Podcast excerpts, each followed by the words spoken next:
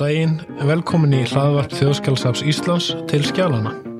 Ég heiti Unnar Ingvarsson og gestur okkar í dag er Erla Dóris Haldurstóttir Sakfræðingur. Hún hefur lengi stundar ansóknir á heilbriðisögu meðal hann skrifað um hjúgurnakonur, um holdsveiki og um fæðingarhjálp en doktorsríkir hennar í Sakfræði fjallaði mitt um fæðingarhjálp árunum 1760 til 1880.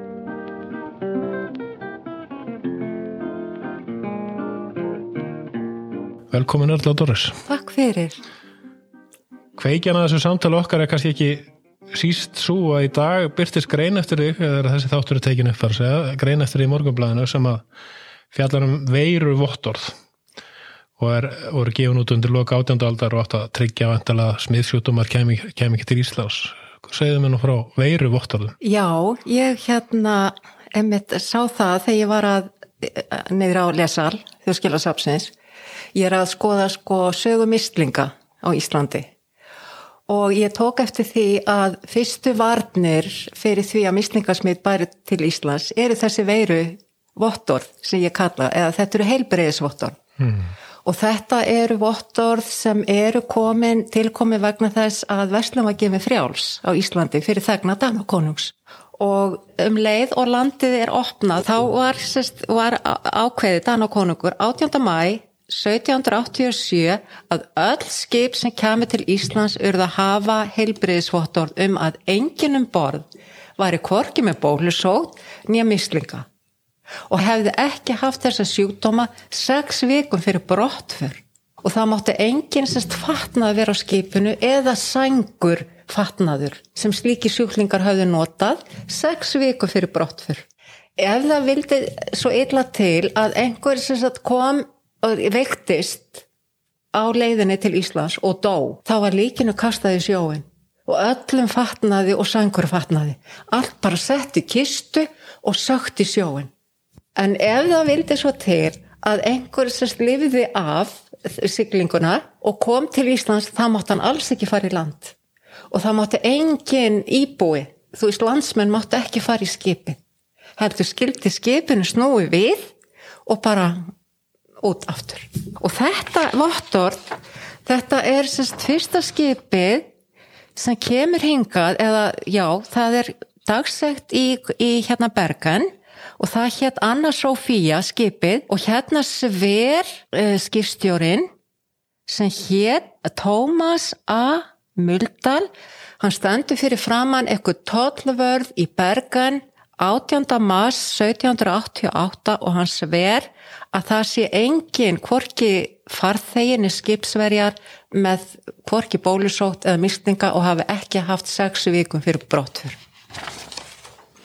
Og sjáuði hérna, þetta eru innsiklið og hann kem, er með þetta vottorð bara í káttinu hjá sér skipstjórin og sín er það síðan herri. í viðei og það er Skúli Magnússon sem tekur við þessu landfókiti. Og hann vottar fyrir það vantarlega þá líka, hann, hann hefur séð þetta. Já. já, og það er þess vegna sem ég ákvað að benda á þetta.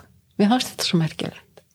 Þetta er bara eins og núna, ekki, þau eru ekki að sína vottor. Og náttúrulega gaman að, það... því að, að þetta er innsiklað og ástæðan fyrir því er, er að votta þessi ekki falsa, þetta er já. að tryggja þessi ekki falsa. Já, já. Alveg svo við þurfum núna að fá einhverja sérstatt vottor vantarlega í framtíðinni sem er reynd að tryggja að vera ekki falsk Já, og nú er það 100.000 krónur en Sektin, í þeim já. tíma var það 5 ríkistallir Hvort er meira? Það er nú það og, og hérna það kom alveg fyrir að þeir, það voru tvö skip sem hefðu ekki vottor og þá þurftu að standa fyrir framann hérna landfókita og sverja eitt mm. Þannig var þetta Við þeir gáttu náttúrulega ekki testað hvort þetta væri... Það er ekki krafist lækni skoðunar á... Nei, það er ekki krafist, nei. Þeir eru náttúrulega bara að Æ, treysta á að þessi vottor voru í lægi, sko. Akkurát. Og takaðu gilt. Og það var gert. Og á þessum tíma þá hefðu Íslandikar mjög góðan landlækni sem hétt Jón Sveinsson. Og hann var búin að sjá þetta að þegar skip færu að koma til Íslands þarna eftir að landið var kaupmenn, kaupmenn já, já, já, skip frá, frá löndum Danakonungs, það var bæði frá Kaupmannahöfn og Danmörku og, og Noregi og svo frá hérna Holstein Slesvíks mm -hmm. og hann var bara mjög velmentaður þessi lagnir og hann búin, hafði áhyggjur af því að þegar myndu koma fleiri skip til Íslands að þeir myndu koma með smitt með, með sem sagt mislingasmitt og bólusóttasmitt en á þessum tíma var náttúrulega ekkit vitað að væru veirur eða bakterjur til. En þeir vissi að smitaðist. Já, hann vissi, já og sko þarna nokkru áður eða 1785 þá hafði borist bólusótt með kaupmannsinni sem kom frá kaupmannahöfn. Og, og þessi bólusótt hún var hérna, hún var eiginlega varðafarsótt og hún, hún var að smita fólk sko alveg frá því að Sest, hún kemur þarna sömar í 1785 og allt árið 1786 þá er fólk að deyja á bólusótt. En á þessum tíma var talið sest, að, að það var, ekki, það var sest, ekki bara fólki sem smitaði heldur líka fatnaðurinn. Þarna var ekki komin einn bólusetning. Nei. Þannig að menn höfður að vera lenga leiðir til að verja sjúkdóma nema einangurinn og smitt gátt Já Já. En varðandi bara bólusetningan, það er koma nú, fyrstu bólusetningan það koma nú bara þarna rétt um þetta leiti samt. Já, það eru náttúrulega bara lögleitar hvað 1802 Já, kúabólun kúabólan sko en mér langaði þess að tala um hennar landlakni Jón Sveinsson, já, já. hann er sko mentaður í Kaupmannahöfn mhm. -huh. hann er, hann er sérst hérna hann útskrifast frá Kaupmanna laknadeil Kaupmannahafna háskóla og hann er eiginlega með þeim betri mentuðum hann er mest mentaði laknir á Íslanda á þessum tíma Klárar en sveit Já, eiginlega líka Bjarnar Pálsson sko. já, já. Já. og hann er bara svo mikið í þessum smitum hann, hann þekkir smitsjúdóma en í sambatu hérna bólusetningar að það er til saga að því að þegar Sveit Pálsson er ymmit í námi hjá honum uh, Jóni Svinsinni mm -hmm. Að þá, uh, það er semst þessi bólusótt sem best hingað 1785 Já. að þá sendir hann föðu sínum Já, akkurat. bónda. Já, já, hérna efni úr bólu í posti Já, ég sá, sá um þegar ég var að, var að skoða þetta fyrir, fyrir Já, hann er nefnandi Jón Sveinssonar. Og þetta er alveg ábyggilega að komi frá Jóni Sveinsinni Já, en það er sem sagt í, í skjálaskrá sapsins og ég skýri þetta þessu út í hérna, skjölum danska kansilísins sem er svona stjórnadeld dansk að það er semst geimt kansilibrið til Stefáns Amtmanns Þóranssonar um bólusóð sem hefur borist til skagaferðar með bóluefni Já. sem Sveit Pálsson sendi föðu sínum hinn 27. september 1787 Já. Þetta er nú frekar ótrúlegt er það ekki að Það er frekar ótrúlegt að, að veiran hafi verið virk. Akkurat. Og, og hérna en samt notar hann hann, hann notar þetta efni og bólisettu börnin sín. Hann áttir sex börn en þegar yfirvöld komast að snóð, snóðum um þetta að þá hefst atbyrðarás. Það átt að kæra Svein Pálsson fyrir þetta. Hann mátt ekki senda þetta í pósti vegna þess að það er talið að bólusótt hafi borist með póstinum í Skagafjörðin eða í Skagafjörðasíslu. Já, já, þannig að Þú þetta hefur kannski ekki verið ástæðan þá, þá var þessu kent um Það var þessu brefi kent um já, já. og það er þannig að hvað, það, Þannig er þess að bólusetningar þetta er náttúrulega hvað Það er ekki byrjað Það er ekki byrjað en hann er samt eitt samt, já, áður en það byrja í Íslandi en vissu samt að það var hægt að bólusetta fyrir bólusótt Já, það var sem sagt er talið að sko 1774 að þá er hérna ennskur bondi sem tekur eftir því einhver staðar á Englandi að, að mjöldakonurnar, einhverja tvær mjöldakonur, það gengur þarna bólusótt sannilega í, í þar sem hann býr, þær fá ekki bólusótt. Og hann ákveði það að taka sérst vessa úr bólusóttasjúklingi og bólusetja börni sín með, með þessu efni. Mm -hmm. og, og, og þannig hefst þetta. Og, og hann hér Benjamin Jessi eitthvað svo leiðs. Þetta er skemmtilegt að vakín sem sagt að vakka er kýr á latinu já, þannig að þetta er komið frá þessu já það er komið frá því sko. En þannig að Sveitn hann hafði þessa þekkingu hann þekkti það að þarna var hægt að bóra þetta fólk og hann já, sendir pappa sinu þess vegna. Já en læri fadir hans var Jón Sveinsson landlagnir hann er nefnandi mm. Jóns, hann býr í Nesi. En þannig að bólusetningar hafa byrjað fyrr en þessi lög tilskipun um þar já þarna með þessu, þessu en, en það er bara spurning hvort að hvern, hvort þetta hafi verið vilt efni sem hann tekur úr bólusóttasjúklingi og flytur og og flytur og svo er þetta bara flytt með póstinum. Já, þeir eru bara að reyna að finna einhverja lækningu við þessu. Þeir vita ekkit að þetta er einhver veira. Nei, en þeir vita að þetta virka í Breitlandi vantilega, Já. hjá þessum bónda og þeir hafa örgulega að skoða þetta í háskólunum í Kaupanahöfn og þú veist þannig að þeir hafa vita að virka, virkar einhvern veginn. Þeir hafa kannski ekki alveg vita hvernig er að gera þetta. Já, en síðan hérna þetta er náttúrulega fyrstu bólusetningarnar og, og, hérna, bó- já. og hérna og það er náttúrulega allur, nú er náttúrulega svo mikið ferli í kringum þetta, pröfanir, prófanir og allt mögulegt sem Já. er náttúrulega ekki til staðar þarna, menn prófa bara hvort það virkar eða ekki Já. á sjúklingum já, og, og hérna, en síðan er það þannig að, að það er prestum sem er falið að, bólusetja fólk á já. Íslandi Það er þarna í kringum 1820 sem prestar fá það hlutverk. Það er ekki fyrir en á, í byrjun 20. aldar að ljósmaður taka þetta yfir, Já. fara bólusetja. En, en það, hvernig var, var þetta sko framkvæmt? Með þurftu náttúrulega að fá bóluefni þá, eða þennan vessa sem að hvernig, hvernig segja þetta, þetta var náttúrulega ekki einhver sem var sprauta með nál. Já, nei, þetta er sérstök nál sem hétt bólusetningar, bólusetningar já. Já. Og, Þannig að allir prestar á Íslandi fengur svona ját sent Já. um póstinum Já. og síðan fengur einhverja vessa eða hvað sem er ótt að... Já, hvaðan, já, og hann kemur alveg öruglega frá Kaupmannahöfn en ég bara svona hefur verið að velta því fyrir mér hvernig þetta var fluttinga til lands Mm. og hvort að bólan hafi verið virk veistu, ég bara veit ekki Prestarnir gefa síðan út vottorð um það að viðkomandi maður hafi verið bólusettur. Já. Það var að- þeirra já, skilda. Já, og það, þess börn mátt ekki fermast nema að hafa Já, bólusetningarskildi og gáðu síðan út bólusetninga vottorð og, og þetta er mertin bara- í kirkjubækunar bólusettur það, Já, ég hef tekið eftir því. Já, og eldri Íslendingar eða sóknamannatöl, er það ekki, frekar? Jú, jú, í og hérna, Já, eldri Íslendingar mun náttúrulega kannski, eða eða horfa á handleikin á sér þá sjáðu þessa bólu hérna, afleiðinga af þessari Já. sömu þar sem þetta var Það eru bara, hérna, e, þjóðskjálasafni er svo fyllt af frábærum heimildum. Þetta er bara alveg meira áttar heimildir og sérstaklega har átjándaöld. það er svo margt að byrja og vísindin er einhvern veginn að kvikna í hugum fólks og, Já, kannski með, uh, já, vegna, já, mér, mér finnst þetta bara svo voða spennandi. Já. Og mér finnst þetta bara, það er að opnast eitthvað nýr heimur, sko. Já, þetta er líka skrítið bara hvernig heimurinn fer með okkur og við hefum ekki verið að velta þessu mikið fyrir okkur kannski eða hefði ekki komið þetta COVID sko. Já, og hérna svo allt í hennu kemur það og þá leita menn einhver að svara í heimildum hvernig. Já, og það er eins og með sér heilbyrðisvottur því ég hafði hérna fyrir fram að mig og, og var svo að lesa fréttinnar um að það er sérst að krefja fólk um þessi vottorð, sko. Mm. ég bara, mér fannst þetta alveg bollikjandi. Hérna, tilvísinni nútíman.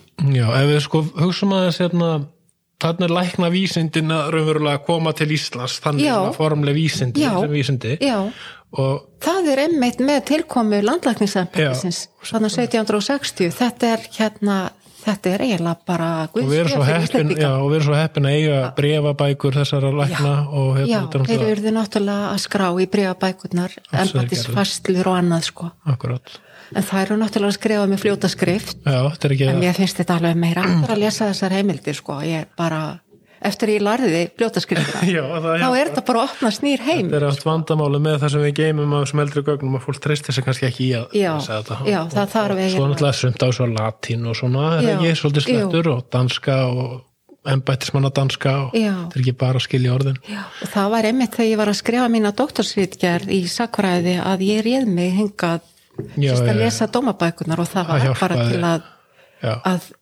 að læra að lesa fljóta, fljóta skrift sko. þá kom þetta. Já, En það, bara það, ég var hérna í fjögur á Já, það það hafði náttúrulega rítgerðar smiðina Já, Þetta er nú samt ekkit óyfirstíganlegt, þetta snýst bara um áhuga held ég og, og, og að reyna, Já. er það ekki, svona grunninn og, og ég Og þú fólk þessar lesið hvert einasta orð og samt sko, svona, já, fá hérna merkinguna en það er nú orðið þannig hjá mér að ég er nú eiginlega fann að lesa allt sko akkurat. Nú er ég ekki góður í að lesa skriftir á þessum tíma Nei. en er ágættur í að lesa 19. aldar svona skrift og sögum finnst það semst erfiðar sem eru vanrið að lesa sko eldri skrift já, já og svo finnst mér líka hérna, ég er ekki dvoðalega mikið fyrir að mynda skjöl. Mér finnst betra að vera bara á staðinum og skrifa, Skrifa upp skjölin. já, já. það er þess vegna sem ég er kannski svolítið sínilega á salnum sko. Já, þú ert ég- búin að vera dugleg þarna. og ég er bara, á, er bara hérna og er bara í þessu. En ef við snúum okkur áttur að þessu með sko, nú koma læknarnir og þetta er vísindin og það þetta virkar, þessi bólusetning. Já. og almenningur og sennilega stjórnvöld vita að þetta virkar. Já, þetta líka lítur að auka trú almennings á læknum já Er það ekki? jú, en þeir eru bara svo fáir Já. þeir eru svo stór lakna umdæmi sko. um mitt að, að hérna fólk þarf að leita til ólærðra Já, það er einmitt að ég, að ég veit og skoða þetta í sambandi við fæðingar og þess Já. að það er að, að, þá koma þarna einmitt yfirsetu kallarnir minnir, já, og sko. kannski líka einhverju skottulæknar, kannski Já. ekki satt það voru bara svo fái laknar og það er nú eiginlega hægt að kenna yfirvöldum í Kaupmannahöfn eða í Danmörku mm. hvað þeir sendu fá að lakna hérna það voru svo gríðarlega stór umdæmi þeir höfðu marga síslur Já, já, sem þeir þurftu að eða syndu Mm. og það kann tekið marga marga daga bara að komast á eitthvað bæin sko í já. annari Og síslu Hann ekki á staðnum þá þegar einhver kemur að sækja aðstóða Já, eða viðkomandi bara dáin sko Einmitt. og það var kannski bara hlaupið til næsta bæjar að sækja eitthvað sem kunni kunni og kannski sömur læknandi notu, notuð þessa menn til að svona, Já. vera svona láta að fá lif eða höfðu einhverja Já, og og einhverja jurtir og það er nú eiginlega þess vegna sem hérna prestar fá þessa hérna taka að sér bólusetninga sko. það er vegna þess að þeir eru náttúrulega fleiri Þetta er náttúrulega svona stjórnsýsla prestarnir, þeir eru með sína sókn og þeir eru hafa Já. sitt svæði, það Já. er klárt hvaða fólk er undir þeim Já, þannig að það er náttúrulega þægilegt að nota þá í þetta, svo Já, er það náttúrulega er, já, þeir læra að bólusetja fólk sko, þeir læra að beita þessu játni en þetta er er raunverulega ekki beinins bólusetninga sem við þekkjum í þetta, þetta Nei. er að rispa, rispa. Rispa. rispa húðin, Já, er það ekki með er- þessu síkta efni sem Já. að, hvernig, við veitum ekki alveg eða hvernig það bara var þessu, þessari bólusókt ef þessari veiru Þessari sko. veiru, já. hún á að vera lifandi og hún fer inn og veitir vörð sko. þetta hlýtur að hafa haft eitthvað að segja sko. Já, svo svo veit maður, já, allir það ekki, ég meina, Já. þetta, minnst kosti bólusóttar, það kom Já. ekki svona bólusóttar Ek, ekki svona gríðarlega stóri faraldrar það kemur bólusetning nei, bólusótt á 19. öld held að verðum 1800 og 70, 20, Já, er ekki samt- 30 já, kemur Já, þetta setna ég já, það kom, koma svona bólusóttar en ekki svona sem einhver farald Ekki eins og 1707. smá, smá farald eins og bólusóttar 1707 Já. þetta eigi bara Alveg. og ég var að, var að gera skrá yfir reyt sem er dræfilegra mann eftir Hannes Þorstensson mm. þetta er semst um embættismenn og svona mentaða Íslendinga frá 16 til 19. öld og það sló mig hvað voru margir sem voru sagði dánir 1707 já, það er, bara, það er eins og það hefði bara hreinsast út heilu sko bara prestast jættirnar já þetta er alveg ótrúlegt. já, það, og, og þegar mislingafaraldurinn kemur hérna 1846 Já. það eru margi presta sem deyja. Og þeir eru margir samskipt við fólk er að fara á Já. milli og, og já, þeir eru að fara á milli. valda smiti smita sjálfur já, og einmitt og þeir eru að jarða. Og þar, hérna mislingaveiran hún lifir í fatnaði. Og hún er í, í sangurfatnaðinum sko. Og svo langar mér líka að segja það að hérna fyrstu uh, sóttvarnir uh, uh, taka gildi hérna sko 1794 og í þeim kemur alveg fram að það átti sérst, ef einhver dó úr bólusótt eða mislingum að það átti að grafa hann dýbra niður í jörðina, líkið sko. mm.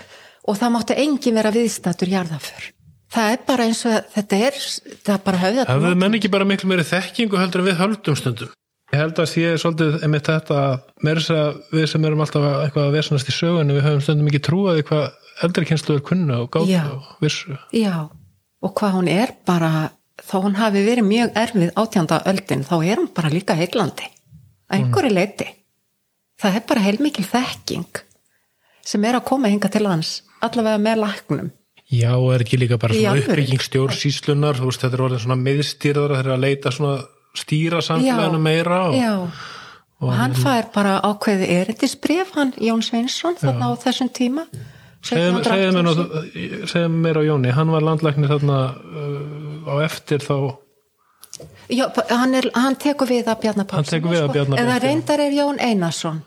Það er nefandi hans Bjarnar Pálssonar. já, já, Hann er bara í, sko Bjarni deyr í september uh, 1779 og, og svo tekur nefandinn hans við sem heit, hétt hérna Jón Einarsson í nokkra mánuði og svo kemur þessi velmentaði landlagnir frá Kaupmannahöfn. Hann er Antmannssonur og hann er, er búin að vera í Kaupmannahöfn í eitthvað tíma. og vinna þá á væntanlega. Já, vinna bara á friðri spítala og, og er þarna í nokkur ár sko. og er hann lengi landlæknir á Íslandi Já, hann deyr sérst 1805 já, og þá tekur við hann Tómas Klúk. þannig að þetta er held að- íslensku landlæknir. Já, hann, já, já, hann kemur og- Já, nei, hann kemur Jón Þorstensen já, eftir það, eftir það. en hann er landlæknir í svo gríðalega mörg ár marga áratugir sko. En ég tel að Jón Sveinsson hafi verið eiginlega með bestu landlæknum sem við höfum átt og ég var mikið, mikið heimildum um sem hann var að bardúsa breyfabækurnar og svona? Já, breyfabækurnar og það eru mjög auðvelt að lesa þar og gaman og hann er hérna uh, hann skilgreinir uh, alla sína empatisfæslur Mm. og þar er einmitt þetta bref þarna frá stiftatmanni sem er að skrifa honum í sambandi við Svein Pálsson. Já, það með hann Svein sko? Já, þegar hann er að senda pappa Sveinn er svona sínum. fullur og vísinda heikjunar á Íslandi sko. Já, hann er náttúrulega, hann er ekki mentaður hann er mentaður læknir en hann líkur aldrei Já, hann líkur aldrei próf, en hann er svona náttúrufræðingur líka, og hann- Hann er sko- líka mjög góður já, og hann er tengdur náttúrulega danska vísindafélaginu Já, og er að stunda rannsóknir á Íslandi hinn og þessu og þann er fyrsti maður sem að skipulega reynir að mæla hitasti á Íslandi og Já. þannig að þú veist það er þessi upplýsingahyggja og, og tilröðin til að já þeir eru alltaf að reyna að finna svör að við- svör hann að það að senda pappa sínum pínu bólefni, það er bara sjálfsagt mál. Algjörlega sko, algjörlega þetta er bara hluti af það hans. meira háttar sko að hérna, en hann fær bátt fyrir það. Það var bátt fyrir það, já, já, já. og það átt Það að kæra einhver hann, en afleðingar það- samt að verða, þannig að hann var nei, hann, nei, hann fer bara í áframhaldandi nám til Kaupmannahafnar Já. eftir þetta sko. Fer þarna, um, já, 1789 eitthvað svo leiði sko. Já. þetta virtist ekki hafa haft neina áhrif slæma áhrif á hann sko. Nei, Það ég ætti alveg að hafa, hafa vísinda menn í skólanum bara fundist þetta að vera gott framtak. Já, einmitt, hann reynir sko, en hvort það hafi komið að stað einhverju bólusótt að fara aldrei Í Skagafirði. skagaferði ég drega það í efa sko En þú ert nú búin að vera bara mörg ára að skoða þessar heimildir og þekkir hann sannlega bara best af öllum Íslendingum svona heilbriðs heimildir, ég held að það sé nú bara þannig. Eh, hérna það er bara fullt af verkefnum sem er óunin eða ekki? Jú, og við nú að gera næstu áratugina. Já, ég er ég er hérna að vinna ekki eða starfa ekki sem hjúkunarfræðingur núna. Ég ákvaða að Nei, ég ætla að hjúkurumfræðingur áður en þú fórst í sakku já, já, já. já, já, ég var að vinna sem hjúkunarfræðing Mm. og ég var meiri segja meðan ég var að vinna hérna þá var ég að vinna líka sem hjúkunarfræðingur Já, ég skipti bara deginu í tvert og, og hérna og fór að vinna sem hjúkunarfræðingur eftir doktorspróf sko. Já, vinna, já, ég fór að vinna á bráðagetil bara til að, Halda þær við? Já. En ákvað núna, ég, mér hlotnaði styrkur úr hérna úr uh, sjálfstætt starfandi fræðimenn í eitt ár til að rannsaka sögu mislinga og er að skrifa bók um mislinga á Íslandi. Já, og það er nýkon út hún kom út Hálsveiki Íslandi og Noregi. Já, nú þú ber saman viðbröð þá og hvernig útbreyðstu Já, og allt mögulegt. og hún er bara nýkomin út þannig ég ætlaði mitt að fara Já. ná mér í hana. Þá var hún bara ekki komin í sö- sölun sinni sko. Já, mér langaði nú eiginlega bara að gefa safninu Já, þegar ég er nú líka búin að vinna í þessu safni sko, ég ætla að gera það kemur í næstu viku. Já, sko, bakterían, hún kemur hingað frá Noregi með holdsveikum biskup. Það var já, 1406 um mitt og hún er svo samofin þessi saga. Hún hverfur allstaðar nema á Íslandi og í Noregi á miðhöldum. Hún er ekki til í Danmörku þá ekki Hálsveiki sem ekki sjúkdóm holdsveiki, hún hverfur þaðan. Já. það voru til holdsveikra á miðaldun en þeim er bara lokað um að 1500 það er engi sjúklingar? Já, það voru náttúrulega þessi sjúklinga voru einagraðir þeir sáu það að ef þeir voru settir inn á einhverja stopnun Já. þá bara hvarf veikin og það gerist líka hérna. Þegar Með- hún kemur Hálsveiki spítalinnar byggður og já, það var það, er, sest, hérna með tilkomi holdsveikra í lauganissi að um leið og þessi sjúklingar er lokar inni, þetta er gríðarlega hérna, ómannuleg meðferð að loka fólk inn á stopnun þá hvarfi sér veiki. En í þessari nýjustu bókminni þá tekir líka fyrir þessa gömlu holsekra spítala Já. hétu hospital Hospital, sem voru starrekt hérna og svo voru þau lögð niður hérna 1848 því miður. Þeir eru starraktir í 200 ár. En það hún er svolítið svona slítrótt þessi saga, það var svolítið erfitt að skrifa um það því að það vantaði svo mikið inn í söguna. Já. en mér tókst það, ég bara og Það er náttúrulega merkilegt sko að þú veist í samhenginu menn greitu hospital hluti Já, það er spítala hluturinn, Já. eða fiski hluturinn Fiski hlutur og það var ekki nómið, það var líka fugglatekjur Já, ég það ekki líka og þetta var þeir náttúrulega töldu bara fimm Já, fiska. já, og svo syns það að vera einn dagur sem maður veitu fyrir spítalan og þannig að þetta er, þetta er merkileg sag, ég Já. veit einmitt að það hefur verið hefur verið skoðað svolítið varandi útgerð á Suðunessum Já, mjög skemmtilega svona, þetta er náttúrulega gríða sko, átt að segja á því hvað Suðuness voru gríðalegur útgerðastaður já, og mikið af fiski sem kom á land og, Já. og þeir hurstu þetta skila sínum já það gekk til sérst, klusturhóla í Já, Grímsnesi og Kaldraðanes. Svo var spítali bara hjá Bessistöðum við segja því, Haugshús Hugshús. já, í nokkur ár sko en, en hérna það var nú þess vegna sem ég ákvaða að skrifa þessa sögu. Það var líka vegna þess að þá gæti ég, ég gæti lesið heimildirna sko. Jú, það hjálpar. Það hjálpa nefnilega. Þú veist stundu talað um það að hérna, það sé ekki mikið að konum og lestarsal þjóðskjálfsafsins Já, ég hef svona verið að velta fyrir kynja Þú segist vera hlutfallinu bara okkur þarna ein innan um kallmenn Getið þið svarað Nei, því? við getum ekki svarað. Ég held að sko, við höfum velt þessu fyrir okkur, það er þannig í skjálasöfnum almennt séð, minnst á Íslandi og ég held en enda líka bara í uh, já, í öðrum löndum að það er svona 70% af þessi nýta sér lestarsali safnana eru kallmenn. Hvers vegna veitum við bara, við erum bara ekki nægilega hérna, skemmtileg. Ég, ég veit ekki um það, ég bara veit ekki Ég var bara svona að spá í hvort það væri kannski sniðut að setja blómavassa það veit að hafa áhrif? Já, ég hér það. Myndi það eitthvað? Ég held Hvað er það við skjálasöfn veit, sem ég bara... fælir konur frá? Hvar eru konurnar? Já, nú veit ég til dæmis hins vegar að hvað var það til þess héraskjálfsöfnum það er núna eiginlega bara undáþekning af kallmaður héraskjálfurður, þetta er allt konur. Konur? Flestu til Og við eigum alveg frábæran þjóðskjálaverð sem er kona. Hm. sem er kona? En hvar eru Já, konurnar ég, sko, ég bara, ég, sko, það er náttúrulega bara ég held að líka þeir sem að, og þá ekki bara við um fræði, menn heldur bara þá sem vilja kynna sér söguna og fá að komast í beina snertingu við hana eigi að pröfa það að koma og panta eitthvað á lestarsal uh, safnana og, og fá að sjá gögninum afasinu og með hvað það er, það Já. þarf ekki að vera merkilegt.